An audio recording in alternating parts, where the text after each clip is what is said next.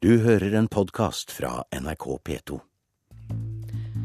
Harald Norvik satte seg opp mot Trond Giske og måtte gå av som styreleder i Telenor. Viser det en næringsminister med all makt, eller viser det en som har mistet kontrollen, Håvard Grønli? Ja, og hva er egentlig det verste, spør vi om i Politisk kvarter.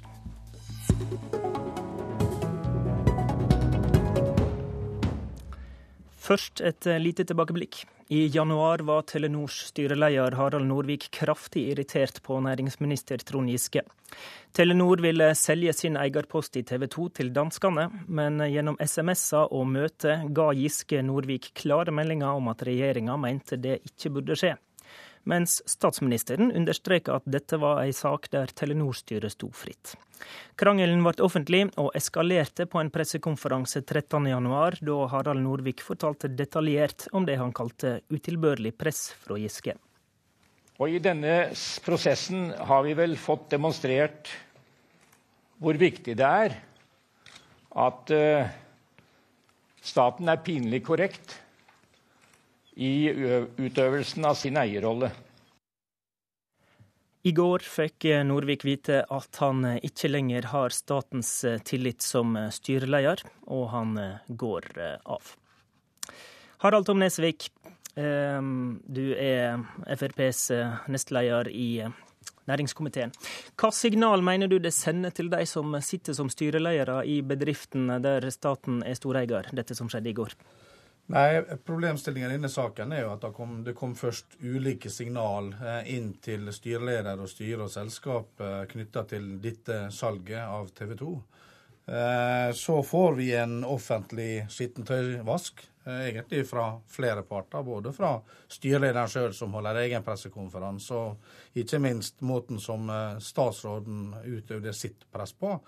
Eh, dette gjør at jeg eh, på mange måter at at jeg frykter litt for rekrutteringa fremover. Fordi at eh, staten er ikke klar nok i sin rolle her. Og det kan også nærmest virke som en form for vendetta også, det som nå gjøres overfor styreformannen. Jeg har ingen formening om og kommentarer knytta til at styreformannen gikk. Det tar jeg til etterretning. Det er ikke det 169 stortingsrepresentanter som skal uttale seg om. Da blir det enda mer kaotisk i næringspolitikken.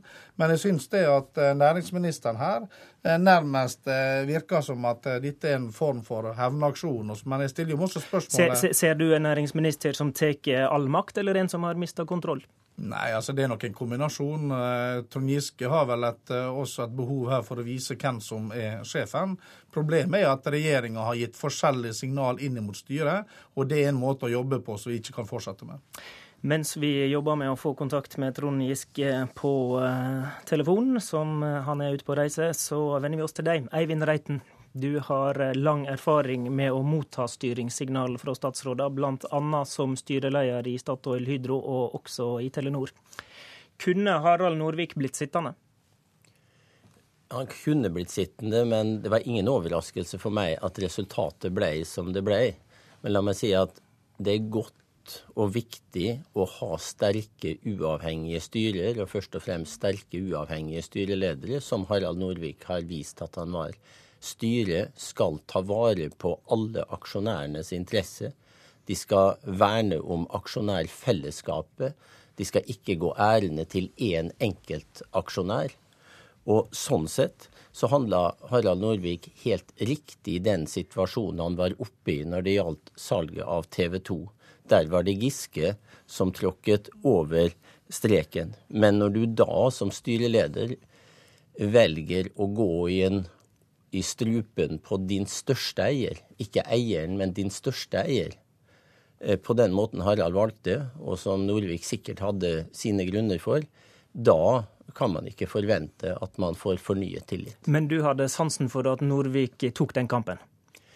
Ja, jeg syns det er viktig. Jeg har selv eh, tatt uh, slike kamper. Jeg har jo også vært styreleder i Telenor i forbindelse med børsnoteringen.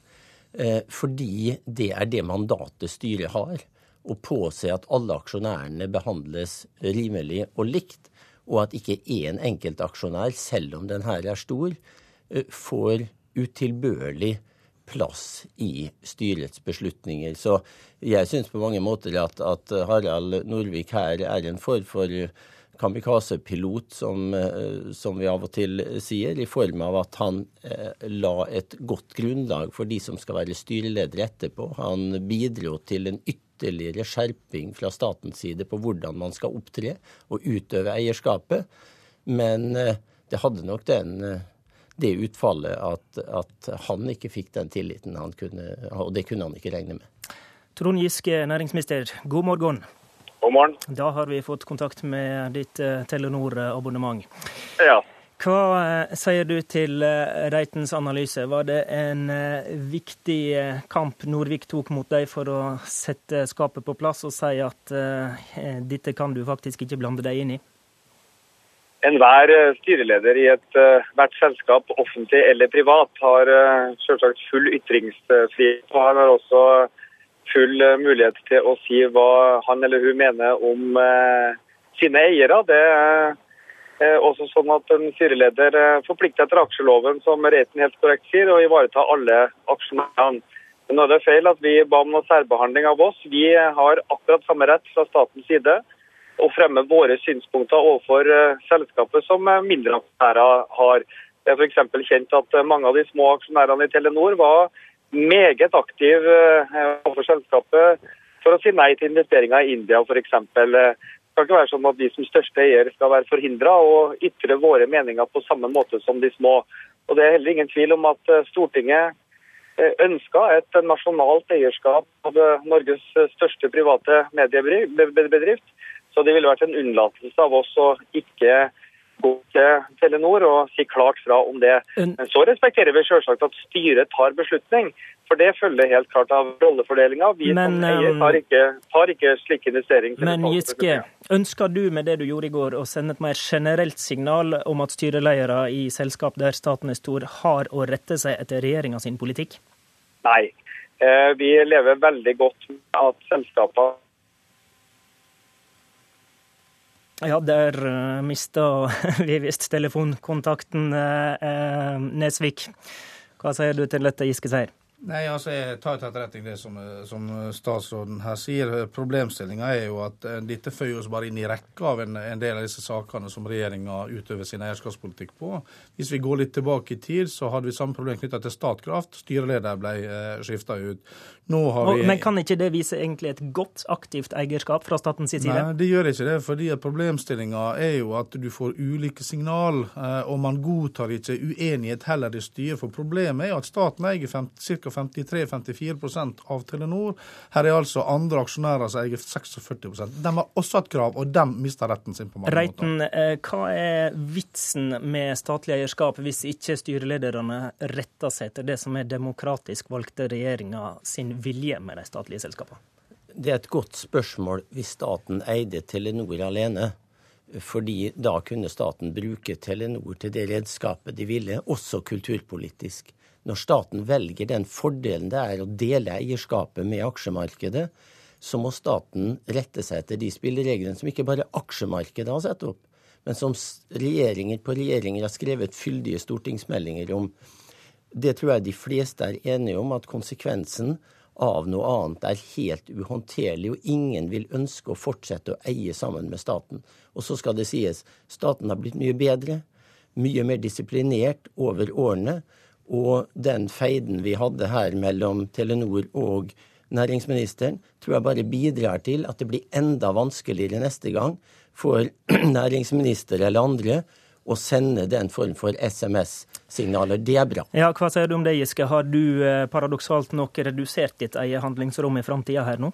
Nei, vi kommer til å utøve et eh, aktivt eierskap, hvor vi kommer til å ha nær dialog med selskapene men også respektere at styret i siste instans bestemmer. Og Spørsmålet som vi ble avbrutt på, det var at selvsagt kan selskapene ta konklusjoner som er annerledes enn det eh, vi ønsker. Og veldig mange saker har vi heller ikke gjort oss opp en oppfatning. Eh, det må vi leve med. Og det var aldri slik at vi mente at Telenor skulle beholde TV 2-eierskapet i strid med sine kommersielle interesser. Tvert imot viser vel også de tallene som har kommet i ettertid, at TV 2 er et selskap som går svært godt, eh, bortimot en halv milliard i overskudd eh, sist gang det ble rapportert. Men, men både, Nesvik, Giske, både Nesvik og Reiten peker på et problem for framtida her, bl.a. med at du kan få problemer med å rekruttere de beste lederne. Hva sier du til det? Ja, Vi har ingen problemer i de valgkomiteene som vi deltar i, i hvert fall når vi rekrutterer styremedlemmer til våre selskaper, og få ja. Tvert imot eh, så er jo eh, Telenor, Hydro, Yara, eh, Statkraft noen av de mest attraktive selskapene å sitte i styrene i. Brukbart honorert er det også, så det har jeg ingen tro på blir noe problem. Nesvik, til slutt, hva er den videre betydninga av denne saka som fikk sin ende i går? Nei, det er at, eh, at, staten eh, her viser at man vil bruke makt, og ikke nødvendigvis eh, kløkt. At, at styreformer måtte gå av, til etterretning, det er det bedriftsforsamlinga sin oppgave å, å gjøre, ikke Stortinget.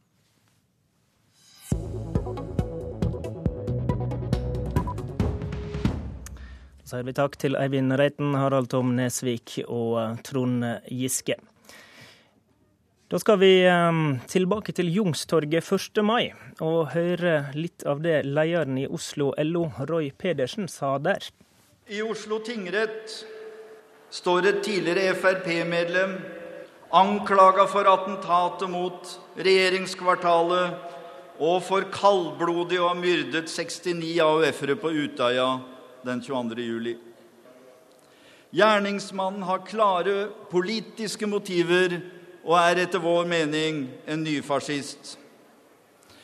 Ingen er enig i handlingen, men altfor mange deler en eller flere av hans ideer. Leder i Oslo LO, Roy Pedersen, nå er du med oss eh, her i studio. For mange deler drapsmannens ideer, sier du. Tror du noen av disse ideene er å finne i Frp? Eh, det skal jeg ikke ha sagt så veldig klart, men det er ingen tvil om at eh, det er sant som blei sagt, nemlig at eh, det er mange der ute som deler flere eller enkelte av Breiviks ideer. Og vi syns det er veldig viktig at det blir markert både fra politiske partier og andre at man er veldig uenig i det. Det er en veldig tragisk situasjon som landet har kommet opp i med den hendelsen som nå vi får eh, oppspilt nok en gang fra Utøya. Vi skal gjøre oppmerksom på at vi inviterte Frp til å møte dem i debatt her, men svaret var at de ikke ønsker å debattere på dette nivået. De mener det du sier er totalt uakseptabelt.